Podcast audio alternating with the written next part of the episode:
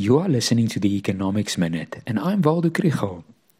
This week, inflation and the repo rate will dominate the economic news. The Reserve Bank's Monetary Policy Committee meets from Tuesday.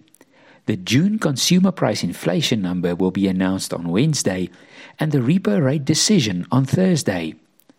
Economists expect a further rise in consumer price inflation. It was 5.9% in April 6.5% in May, and is forecast to have been above 7% in June. This means that the Reserve Bank has to act strict now.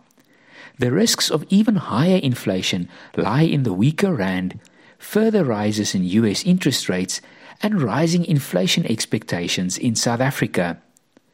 The rand traded below 16 rands for a dollar at the last MPC meeting in May but last week it traded above 17 rands.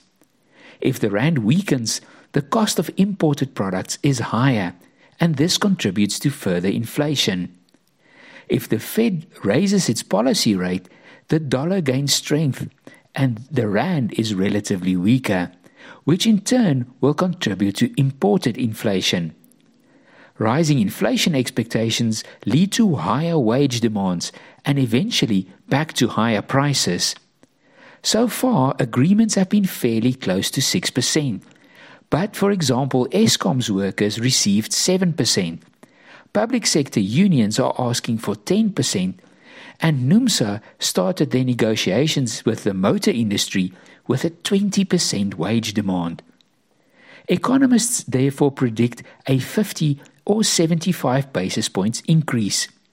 The difference depends on the slowdown of economic activity. The Reserve Bank does not want to increase the repo rate so sharply that the economy comes to a complete standstill.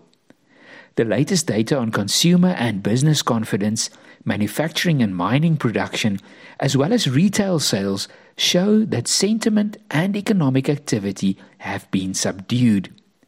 This is not going to be an easy repo decision.